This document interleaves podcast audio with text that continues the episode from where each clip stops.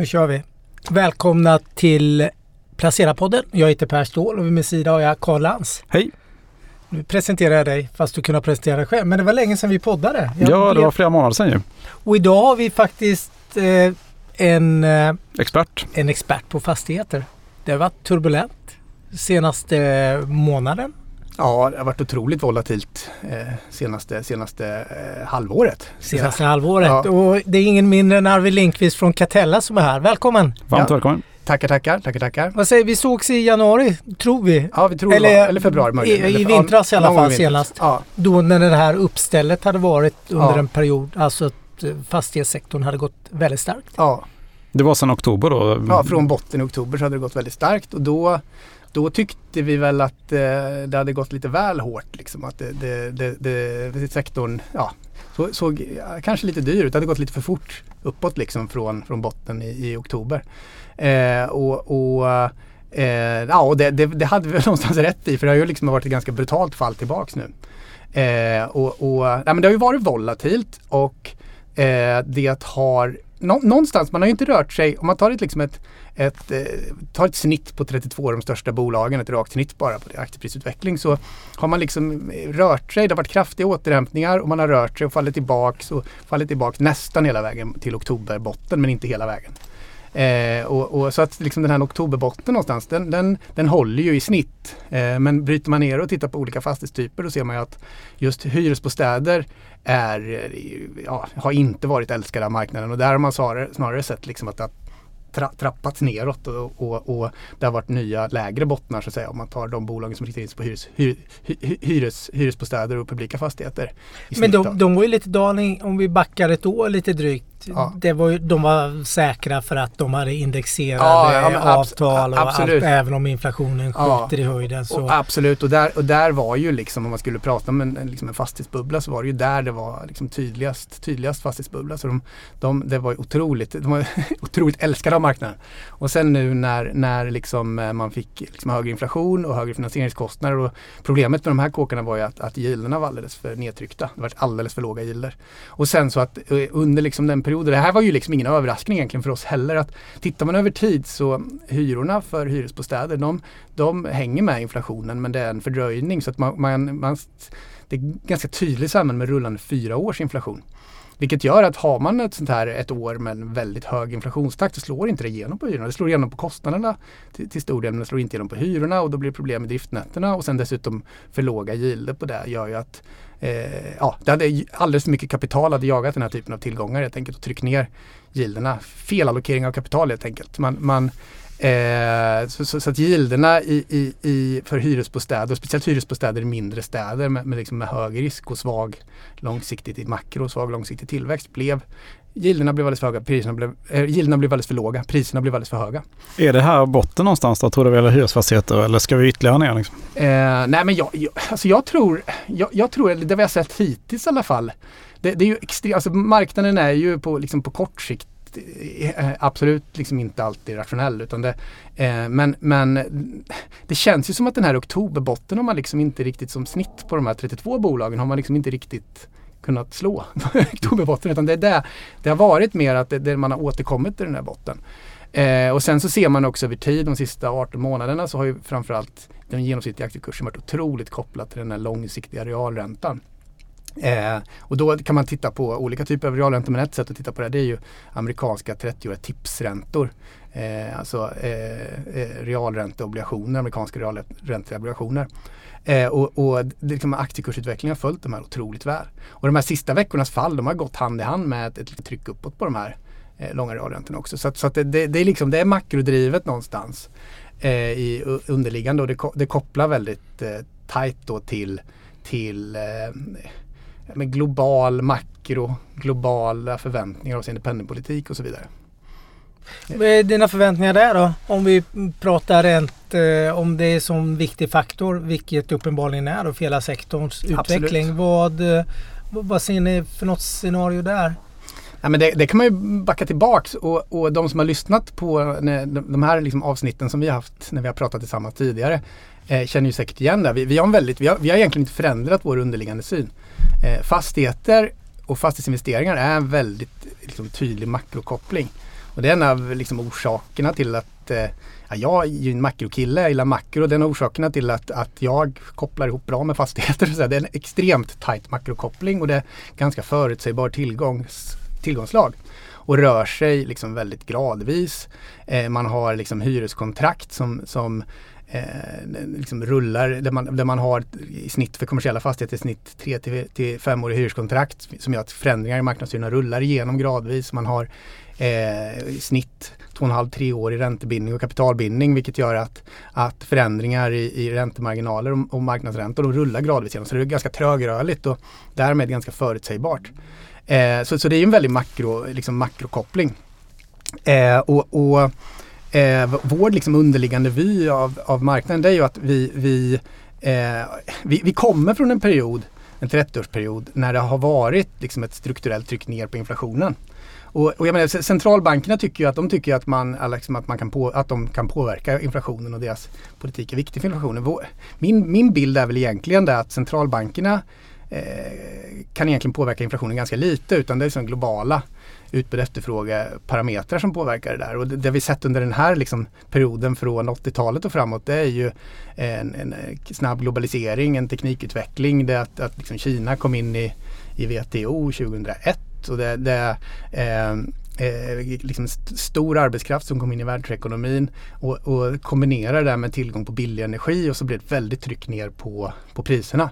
Vilket tryckte ner inflationen, vilket gjorde att liksom centralbankerna i samband med, med, med de här inflationssekvenserna eh, på 70 80-talet, de övergick till, till, till, till eh, eh inflationsmålspolitik och då liksom stimulerade man och man, man, man tryckte upp eh, tillväxten i, i västländerna genom att trycka upp skulderna. Och, och, och liksom det där gynnade fastigheter väldigt mycket under den här perioden.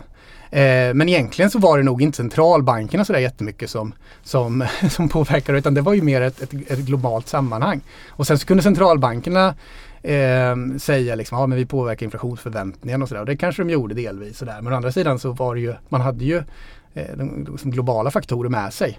Mm. Eh, så, så Eh, och, och, det vi ser nu det är ju att de, de här parametrarna går åt motsatt håll. Eh, en viktig faktor också att den här trycket, ne trycket ner på inflationen det var ju demografi. Och att vi hade liksom en, en, en liksom stora årskullar som, som gick in i den här äldre medelåldern när man är i arbetskraften och, och, och, och, och arbetar, liksom, man, man, arbetar mycket, man, man, man, sparar, man, man, sparar en hel del också. Och, och det är också liksom en disinflatorisk kraft. Eh, sen nu så tippar det där över och att, att, vi har en väldigt snabbt åldrande befolkning. Vi får tajta arbetsmarknader, vilket vi ser nu runt om i hela världen. Ser vi i Sverige också. Ja. Ser vi i USA, supertajt mm. arbetsmarknad. Det borde inte alls vara så här tajt. Mm.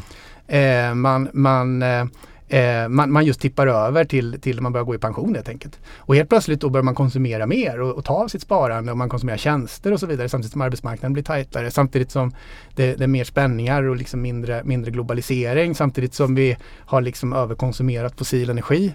Så att vi måste liksom ändra vår, vår, eh, vårt konsumtionsmönster avseende energi och det där är ju liksom investeringar som egentligen inte genererar tillväxt på det sättet utan det är ju för att behålla vår tillväxt så behöver vi liksom göra väldigt stora investeringar för att, att få, få förnyelsebar energi. Eh, och allt det där tillsammans blir ju liksom inflatoriskt under en period. Hur, lång, hur lång tror du den perioden kan vara? Nej men det där är, det är svårt att säga. Alltså grejen är att det, men det, det, här pratar vi ju om årtionden. De här, jag tror att de här strukturella förändringarna i inflation Eh, tittar man över väldigt lång tidsserie, vi har gjort sådana analyser i vår, vår analysklubb när vi tittar på tusen års inflation. Och det, inflationen är ju extremt svår och, och liksom stokastisk, den rör sig upp och ner liksom. Och ett snitt över tid är liksom noll. Mm. Inflation, mm. inflation är ett konstigt mått inflation. Jättekonstigt att man mäter mm. så stor del av den ekonomiska politiken baserat på inflation. Men, men man kan se trender under perioder när liksom krig eller, eller den liksom, eh, lilla istiden här eh, som, som vi hade för, för några hundra år sedan. 1600-talet va? Ja precis. Mm. man ser liksom lite högre inflation och sådär. Men, men det här pratar man ju liksom om årtionden när man, man kanske ser lite högre men samtidigt en volatil inflation som rör sig runt kanske en liten högre nivå. Eh, och det är ju just den strukturella faktorer tror jag som, som driver inflationen. Och sen har man centralbanker på det här som jobbar på månadssiffror på inflation och vilket är bakåtblickande. Och den effekt man ändå har på inflationen och, och, och tillväxten det är ju flera kvart, det är eh, fyra till åtta kvartals eh, innan, innan en, en förändring, i, i, liksom, innan den slår på tillgångspriserna vilket i sin tur slår på, på, liksom på ekonomin. Så, så att eh, eh, det, det, man hamnar i perioder strukturellt så har du eh, snarare tryck uppåt än tryck neråt inflation. Hur, hur kommer det påverka fastighetssektorn då, de kommande eh, årtiondena? Nej men det där, det där är ju liksom väldigt intressant för för eh, det man ser då, det, ja men då i vårt huvudscenario, det var precis det vi liksom pratade om tidigare, vi kommer in i en period med lite lägre e-, eh, tillväxt i ekonomin. Eh, och lite högre inflation. Det behöver inte vara någon så här jättemycket högre inflation. Man kanske kan snitta liksom 4% inflation istället för att snittat eh, 1,5 sista eh, eller säg att du snittar 3,5-4% Det behöver inte vara några jätteförskjutningar. liksom, förskjutningar. Och, och eh, grejen är ju den att inflationen kommer alltid bli ett politiskt eh, val. Utan att eh, eh, som staten, staten eller blir Fed egentligen för att de mindre ekonomierna som Sverige följer ju Fed egentligen. Man är tvungna, tvungna att göra det i princip. Eh, men men, men det, det, blir ju ett val då att man, man antingen så väljer man att bekämpa inflationen och, och, trycka ner den till sitt mål då, och då kämpar man ju mot de här globala krafterna. Vilket gör att du, du, kommer, du kommer tvinga in ekonomin i en väldigt svag konjunktur, liksom långvarig lågkonjunktur. Eh, och det där kommer ju såklart bli liksom, politiskt väldigt kostsamt. Eh, och det, det, det, gillar inte politiker som vill bli omvalda var fjärde år. Eh, utan då är det ju rätt stor sannolikhet att man istället väljer att, att, att ja, men det är nog bättre liksom att acceptera eh, acceptera liksom lite högre, eh, liksom högre inflation. Och sen är det, säger man, ja men centralbankerna är ju självständiga och så, ja jo men det är de ju absolut sådär. Men det finns ju ett, det där det har ju varierat också över tid. Självständiga centralbanker. Men, men det var lite det som hände på 1970-talet va? Ja, ja men det, mm. man kan ju, det, det, det, det, sker ju att det appliceras ett tryck på centralbankerna. Så, ja. och, och, och, så, att, så att de lever ju liksom inte i, i liksom ett vakuum på det sättet. Eh, så, så, att det där, så att sannolikheten är ganska stor att man när man har de här liksom strukturella faktorerna som talar för en lite högre volatil inflation. Att, att man då liksom väljer att, att eh, eh, ja, man, man, får spela enligt de reglerna och man får göra det bästa av det. Och då får man kanske acceptera lite högre inflation och, och föra lite mer, mer, ja, lite mer eh, mjuk penningpolitik än vad man skulle gjort om man skulle följt inflationsmålen. Men det drabbar ju svensk fastighets, den noterade fastighetssektorn ja. väldigt hårt. För vi har ju en skuldsättning som är högre än snittet i USA och snittet ute i Europa också hos eh, fastighetsbolagen som ja. noterade. Är, de, är man redo för den här lite högre inflation, så det säger det går från en och en halv, vi kan landa på fyra. Det gör att de facto räntorna kommer att vara betydligt högre mm. än bara prognoserna som låg för kanske 14-15 månader sedan hos centralbankerna. Absolut. E e och det är ju det som, är, som har skapat den liksom turbulens vi befinner oss i just nu också. För att många av de aktörerna som var på marknaden, vi, vi gör ju till exempel sådana enkäter i marknaden eh, regelbundet eh, varje år när vi tittar på alternativa makroscenarier och sen så frågar vi de här 43 medlemmarna i vår analysklubb om vad man tror. Eh, och det var ju väldigt tydligt liksom att eh, fram till början av Corona då trodde man på ett, liksom ett Japan-scenario och det hade man trott i några år. Innan dess så trodde man på någon form av normalisering. Och sen så från 2018 ungefär framåt så började man tro ett Japan-scenario. Så att de flesta aktörerna i ekonomin de hade ju anpassat sig till att räntorna aldrig skulle öka. Man har kommit på ah, att lång, noll, ränt, noll, i princip noll eller liksom eh, mellan noll och en procents långränta. Men det är nog rimligt liksom. Och så, så, så fattar man affärsbeslut efter det. Eh, jag tror så här i det scenariot vi har så, för, för, nu har det tippat över åt andra hållet. Nu är det många som tänker oh, oj, oj, oj, nu kommer liksom räntorna gå upp och vi får hög inflation och vi får 7 ränta, 6, 6 ränta kanske och så ska det vara en marginal på det och gilderna ska upp liksom på fastighetsmarknaden, ska upp 7 typ, till, till 7 liksom sådär. Och, och, det tror jag är fel åt andra hållet. För vad jag tror händer i vårt scenario det är att centralbankerna eh, antingen in, inofficiellt eller officiellt eh, förmodligen inofficiellt så, så trycker man inte ner inflationen över tid hela vägen ner, ner till 2 och då för man lite, lite mer expansiv penningpolitik och det gör också att, att realräntan kommer ner. Vilket gör att, att långräntan eh, kanske ligger runt 3% Även om du har inflation på eh, 3,5-4 någonting. Du, säg, att, säg att du har en, långränta mellan eh, 2,5 och 3,5 procent. Eller något liknande. Eh, eh, eh femårig swapränta. Eh, och, och det, det, blir liksom en, en, en, en miljö när, när du har väldigt låg, en väldigt låg realränta och en högre och mer volatil, volatil inflation. Och vad som händer då det är ju att, att eh, ehm, eh, Alltså alla, att sitta på cash det, det, det, det urholkas så att säga. Och alla liksom reala tillgångar som valutor eller som, som, som, som råvaror, som, liksom, som konst, fastigheter och så vidare. Allting som har ett värde även eh, alltså övriga aktiebolag egentligen. Eh, men, men speciellt då eh, det tydliga reala tillgången i fastigheter. Eh, det, det, det, det, får ju mer liksom ett bestående värde i den här miljön när, helt, när, när du helt enkelt eh, eh, urholkar värdet på, på valutan men du har ett bestående värde då i, i, i fastigheter. Och sen dessutom det fina med fastigheter det är ju att du har hyreskontrakt i de allra flesta segment som över tid hänger med inflationen på ett eller annat sätt. Eh, och, och, absolut, hamnar man i en, liksom en, en, en, längre fas med svag tillväxt och lite högre inflation, det är ju någon form av liksom mild stagflation som man hamnar i över, över tid. Men det leder ju till högre vakanser såklart. Eh, och, och det, det, kan ju liksom drabba fastighetsmarknaden, drabba kommersiella fastigheter. Och det, det gör det absolut. Och det kan också göra att, att liksom fastigheter i svagare lägen, i svagare kommuner och så vidare, de, de får svårare kanske att få, få, kunna få, få ut sin, sin indexering över tid. Man får högre, högre vakanser och, och, och, och tuffare att få ut sin indexering och så vidare. Så att det, det, det slår olika på, på de här liksom olika segmenten vi delar ju upp marknaden, vi har en väldigt strukturell approach när vi analyserar fastighetsmarknaden, delar upp marknaden i 30 olika segment.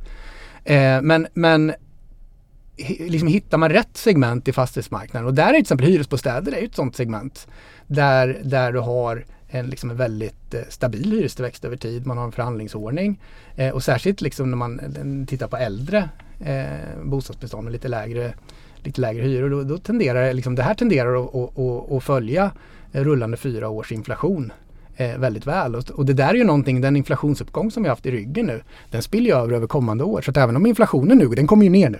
För nu går ju svensk ekonomi gå in i en djup recession i, i år. Den blir djup alltså tror du? Ja men det blir den och det är ju mm. de flesta liksom, av affärsbankerna, de har ju justerat ner nu till, till mm. minustillväxt mm. för i år. Eh, det har man ju gjort, det trodde man ju inte förut, men det har man gjort. Det, det är ju någonting så, där man, ah, om man ska vara, titta, men det, det, vi, vi, vi tittar på dessa ledande indikatorer. Men det här är, någon, det är ingen överraskning, det har vi sett ganska länge. Att, att svensk ekonomi hamnar i en dålig situation just nu. För vi har hög skuldsättning, hushållen har hög skuldsättning, vi har väldigt kort räntebindning. Företagen har kort räntebindning, hushållen har jättekort räntebindning. Eh, och och, och man, man hamnar i en situation när, när ekonomin bromsar in eh, väldigt hårt. Och plus att vi har väldigt låg statsskuld. Och det är, ju en, det är ju en faktor som faktiskt spelar roll, ska man komma ihåg. För när man höjer räntan till exempel i USA och har en statsskuld som är över 100% då expanderar ju eh, budgetunderskottet, vilket gör att det stimulerar ekonomin. Så när USA höjer sin ränta så expanderar de eh, sin finanspolitik och stimulerar ekonomin. Eh, det finns en hördel vid någon tidpunkt i, när, när det gäller hur hög skuldsättning du har, statsskuldsättning du har. Eh, när du faktiskt stimulerar när du höjer räntan.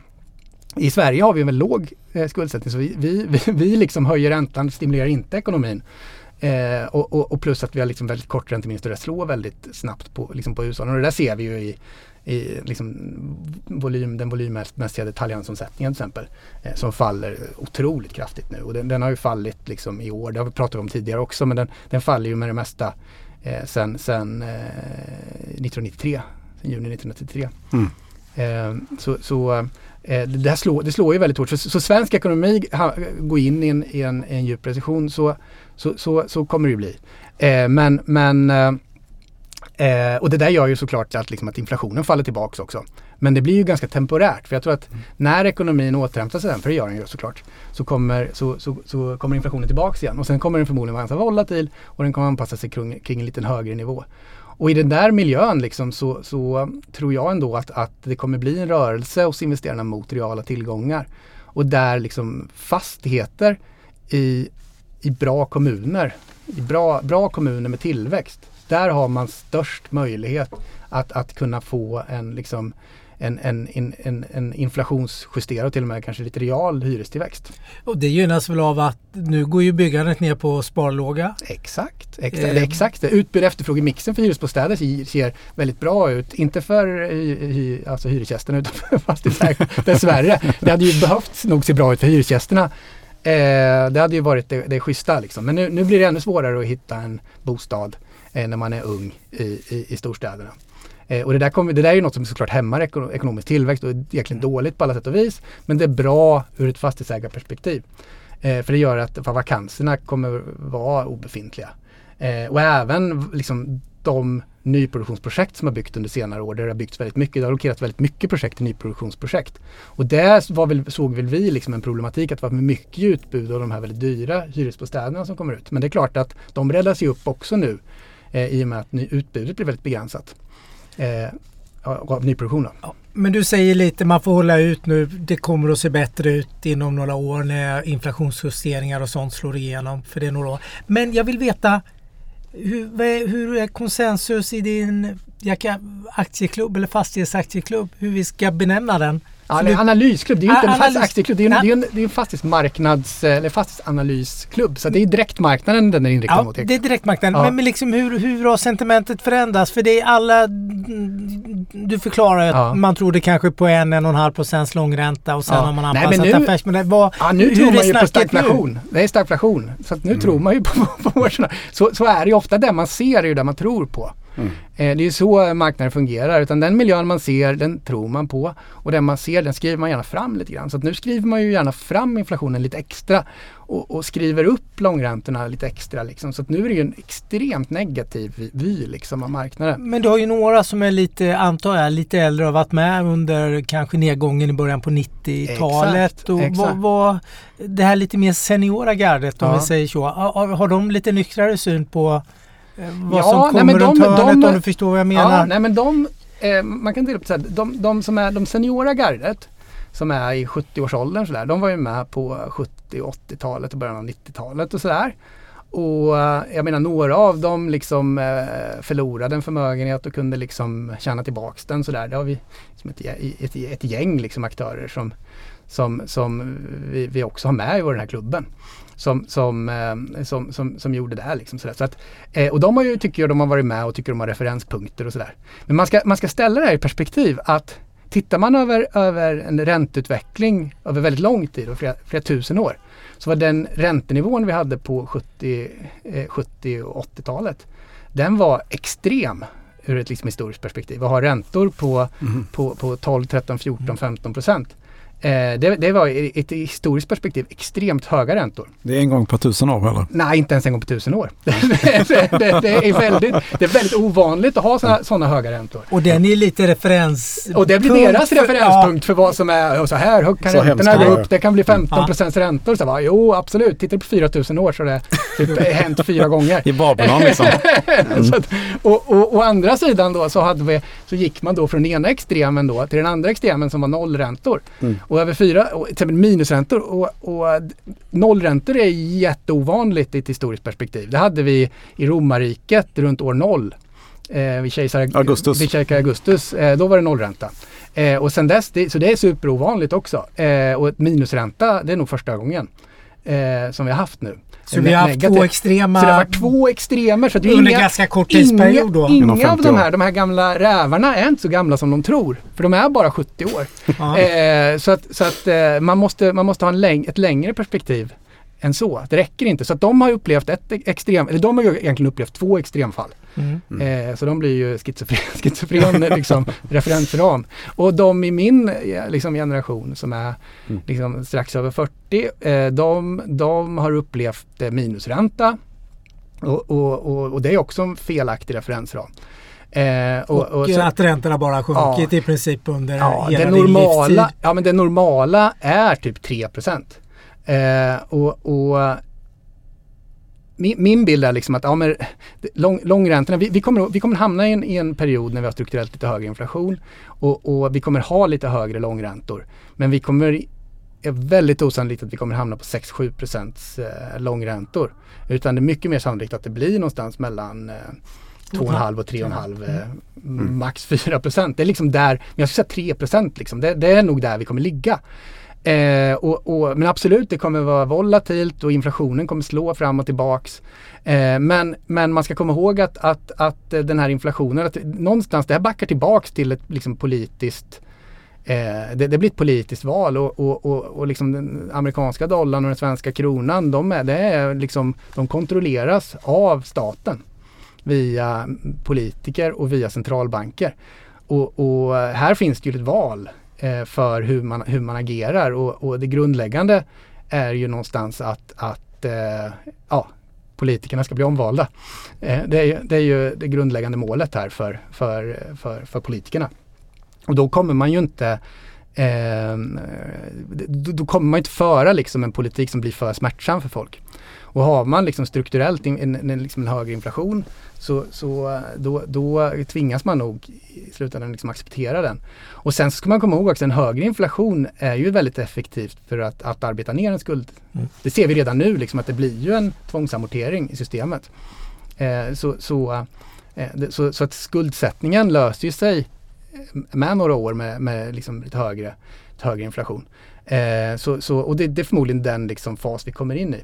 Och då, och då tror jag liksom, ja men då, då, då är fastigheter, råvaror och så vidare eh, liksom, reala tillgångar bli, bli bra i den miljön. Sen, sen kommer, är det ju en fastighetskris eh, vi befinner oss i. Jag vet, det, det sa jag, jag kommer inte ihåg riktigt vad jag sa senast, men det sa jag säkert då. Att det är en fastighetskris. Och det, här, det, det första tecknet på den här fastighetskrisen det såg vi ju under det här börsfallet som var mellan november 2021 och oktober 2020, 2022. Det var ett år mm. som vi hade det här fallet och i snitt på de här 32 bolagen så var det ju nästan 60% ner i snitt. Alltså det var det är ett brutalt fall. Det är inte så ofta det händer heller. Liksom. Nej, det är inte så ofta det händer. Det, det är ju extremt. Alltså sen, sen det vi ser nu det är att, att det där spelar ut på direktmarknaden just nu.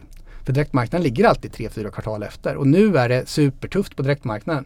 Och det har varit eh, det, det liksom tydliga justeringar upp i gilderna och, och vi ser att, att, att de som liksom, dels de noterade bolagen är extrema nettosäljare och vi ser att det är även ett antal privata bolag som har köpt, eh, har man köpt men liksom eh, särskilt liksom, har du köpt hyresbostäder de sista tre åren och särskilt med en mm. belåningsgrad på 55% plus då, då är du extremt, eh, har en extremt tuff situation nu. Och, och tittar man på de noterade bolagen så, så är det, liksom, det finns 34 bolag.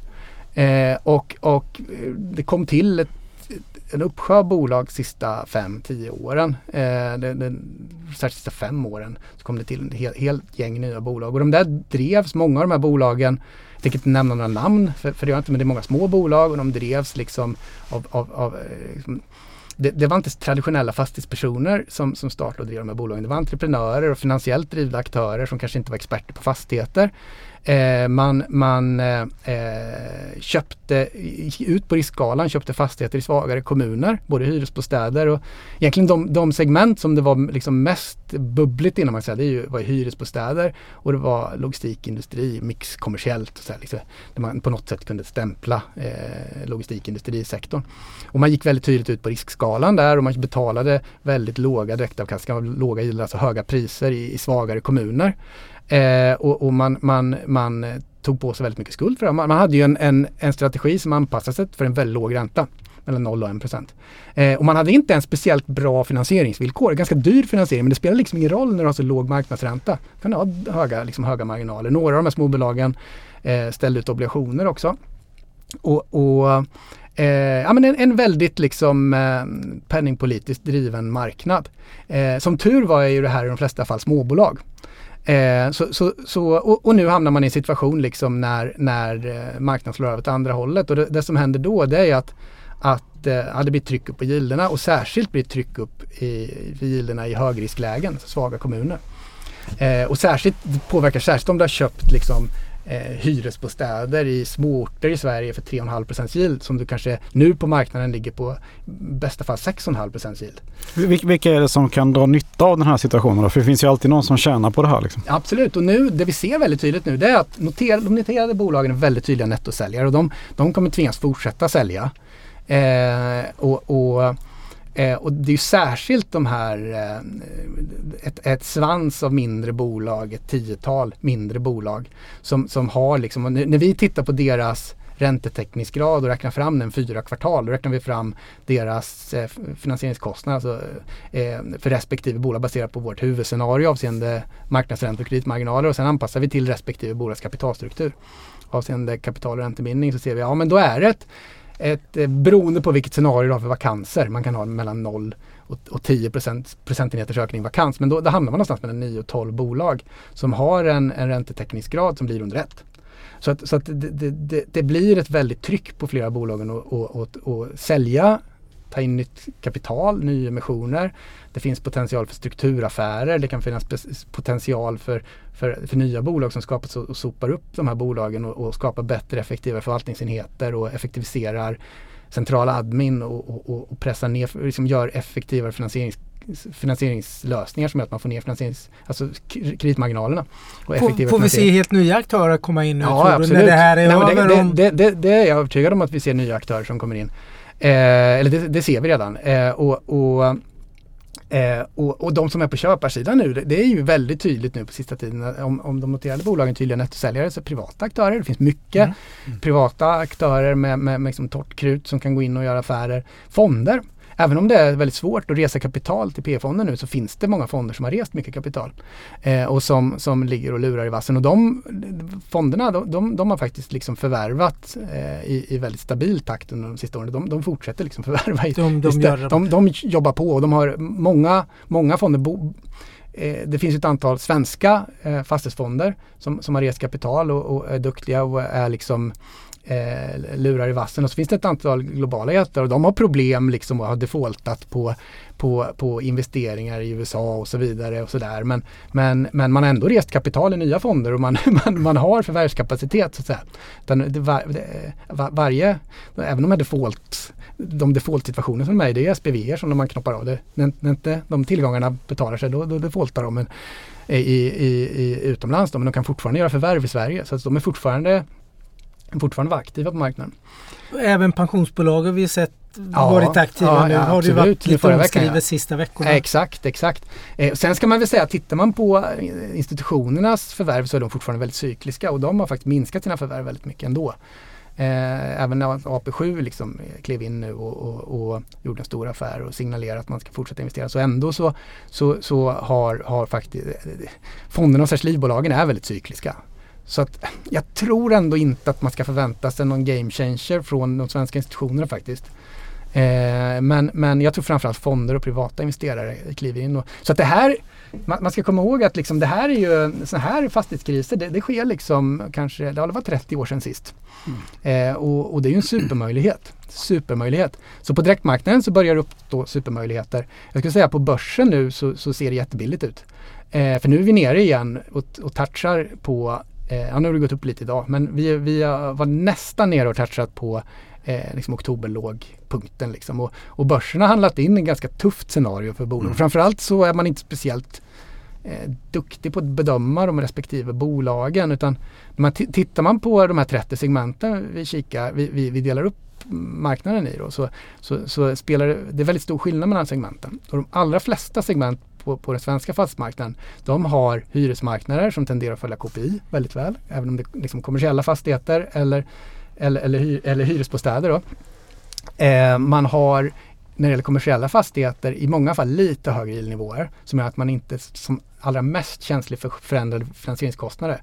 Eh, och, och, eh, och, och, absolut, du har en vakansrisk Eh, det, det, det, det, har man men, men även justerat för den här vakansrisken så, så, eh, så, så, har man liksom en potential för, för liksom en ganska stabil driftnettoutveckling. Och, och inte jättekänslig ändå för förändrade finansieringskostnader. Om man har liksom mixkommersiella bestånd liksom i, i regionstäder eller, eller kontorsbestånd i regionstäder. Så, så, så de taktar på i alternativa scenarier, det är inte så det är jättestor skillnad. Hamnar man i ett stagflationsscenario, nej men då får du ju bättre hyrestillväxt för du har en, en högre inflation. Så då får du positivt på hyrestillväxten, negativt på vakanserna. Det är det. Men, men det vägs kanske upp av hyrestillväxten Och vakanserna slår ju på vissa bestånd och har du lite bättre bestånd så behöver du inte slå alls. Eh, så då blir det nettoplus där. Och sen så Eh, eh, i, ett, i ett stagflationsscenario så får ja, du får lite högre finansieringskostnader mot ett, ett, ett lågräntescenario. Då. Eh, men men, men eh, eh lite, lite högre finansieringskostnader, absolut, men det slår inte jättemycket. Så att tittar man på alternativa scenarier, att ett stagflationsscenario å ena sidan med, med, med då högre inflation, lite högre finansieringskostnader och låg tillväxt. Eller ett, ett, något form av Goldilocks-scenario där du har lite, lite högre tillväxt eh, och lite lägre inflation och, och, kanske lite lägre finansieringskostnader. Så, så det där slår inte det jättemycket. Däremot på kontor i Stockholm city så slår det väldigt mycket. Där, där eh, i det här stagflationsscenariot så slås, slås det på alla parametrar. Du får svag hyresutveckling för att kontorshyrorna tenderar att vara väldigt tajt kopplade till BNP och väldigt stark utväxling mot BNP också. 100 punkter starkare eh, BNP-tillväxt ger ungefär 600 punkter på, på hyran om man tar kontor Stockholm över tid, genomsnittshyra. Eh, och, och, eh, samtidigt som man har låga gilder som är väldigt känsliga för finansieringskostnader och ganska volatila vakanser.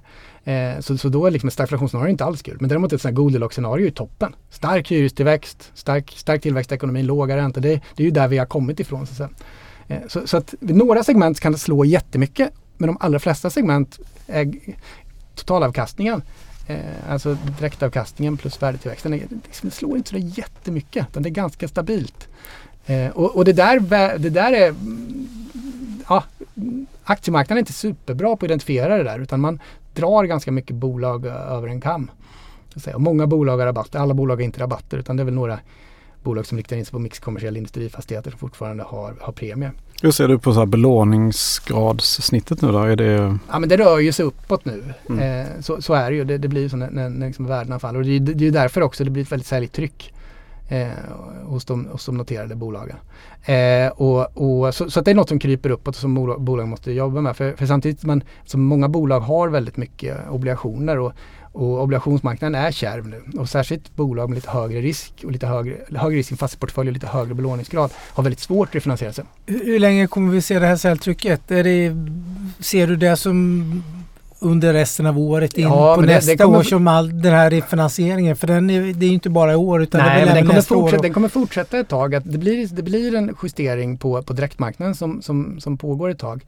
Så att det där, eh, vi ser väl liksom i vårt huvudscenario, ja men det är nog rimligt i snitt för, för 34 bolag så kan man räkna med att, att fastighetsvärdena de har liksom plockats ner eh, liksom rullande 12 månader med några procent och att kommande 12 månaderna, kommande fyra kvartalen så, så kan det vara 5% till på värde, värdena. Och sen så kanske man har en total justering i snitt.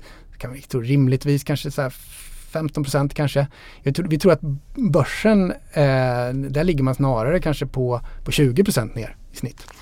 Eh, om man ser liksom implicit utifrån, utifrån de rabatter som finns. Så att, så att eh, men vi tror att det där sker över tid och dessutom det, det man ser det är att den, det har en positiv hyrestillväxt som, som balanserar upp ökande direktavkastningskrav.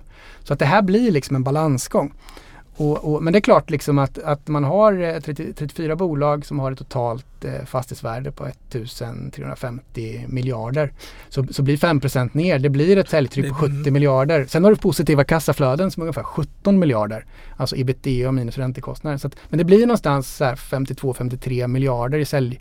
Alltså man antingen behöver sälja eller så man behöver plocka in nytt eh, kapital, kapital. Mm. Eh, på kommande fyra kvartalen i, i, ändå i, för 30, 34 bolag i en marknad som har eh, en rullande 12 månaders transaktionsvolym på 130 miljarder nu ungefär.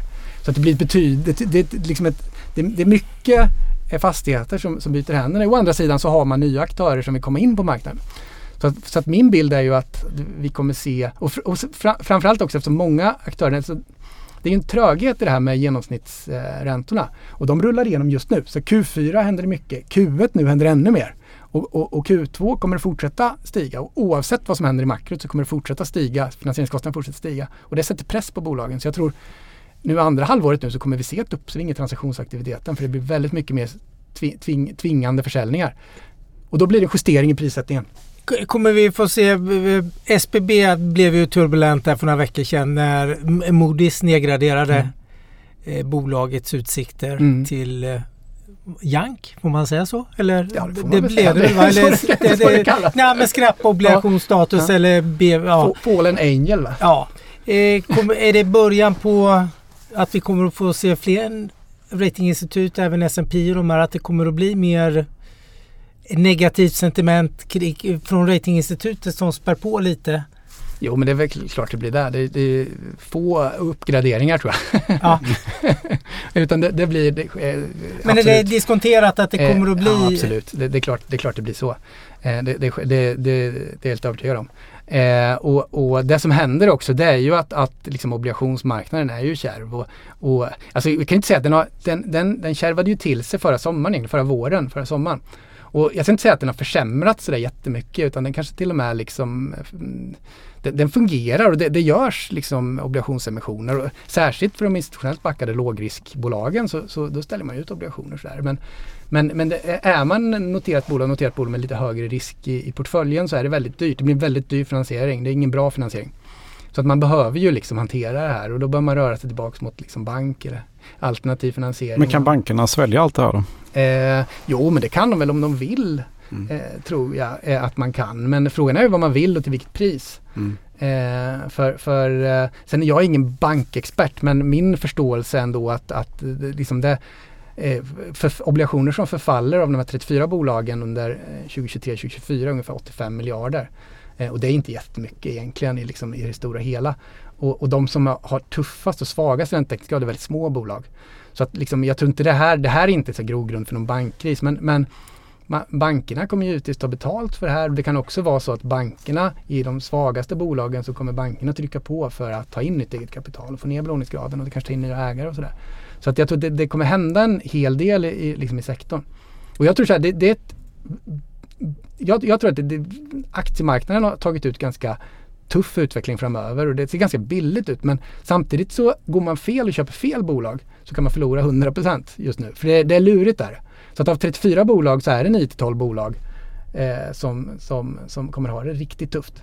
Men, men så, så, att det är inte så liksom att det, det är lite av ett minfält också som investerare. Det, får, får, vi bolag som försvinner av de här 9 till 12? Tror eh, eller, ja, men det eller, tror jag. Ja, men det, det, tror jag. Det vore, osannolikt, ja. det vore osannolikt om det inte är några. Men sen så vet jag inte hur många det blir. För det kan ju bli så att det blir liksom förvärv, strukturförvärv och, så li mm. och, och, liknande som gör att man räddar upp det där. Eh, och, och, så att, så att mm, eh, det, det, är klart de här 70-åriga äldre gubbarna som har varit med, de tror att det är massa bolag som försvinner. Liksom sådär. Och, eh, jag vet inte, det, det beror på hur man väljer att hantera det och, och, och hur, hur liksom bankerna väljer att hantera det och, och, och, sådär. Men jag tror att mycket kommer man kanske vilja sköta utan att göra någon, ställa till med någon Vi, vi ser ju att bank, bankaktier har ju också handlats ner ganska mycket ja. i den här oron. Så att ja. Eh, alla banker är på minus, alla storbanker till exempel ja, i år. Mm. Absolut. Nej men och bankerna, det, men det är ju det är en sektor för sig och det, det, det, liksom, det är ju det är ju väldigt, global väldigt det är en turbulens i USA liksom, som, mm. som drivs och det, som kopplat till amerikanska kommersiella fastigheter. Så vi får jättemycket diskussioner av internationella investerare som tittar i Sverige och helt plötsligt jag hade något internationellt call eh, igår faktiskt. Eh, där det var tre gånger, antingen dubbelt eller tre gånger så mycket åhörare.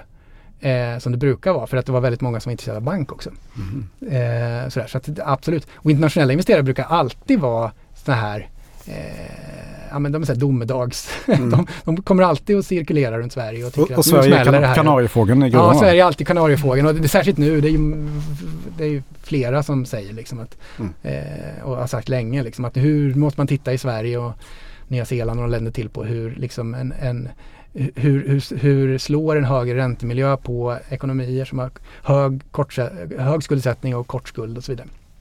Så absolut.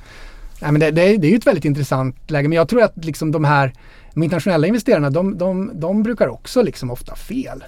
För de har inte fingertoppskänslan heller utan de kommer med sitt globala ramverk och sådär. Någon global makrovy. Ja, och så kommer de in i Sverige och sen så är de mm. vana vid, kanske de tror att det funkar som i USA. Mm. Att liksom att, att eh, nej men det är bara liksom lämna tillgången och, och defaulta på den liksom och sådär. Men så funkar det inte i Sverige. Eh, så, så, jag tror att det, det, man bör analysera svensk marknad med eh, rätt glasögon. Eh, och, och, det är väl därför de vill prata också med, med lokala experter på plats. Bra.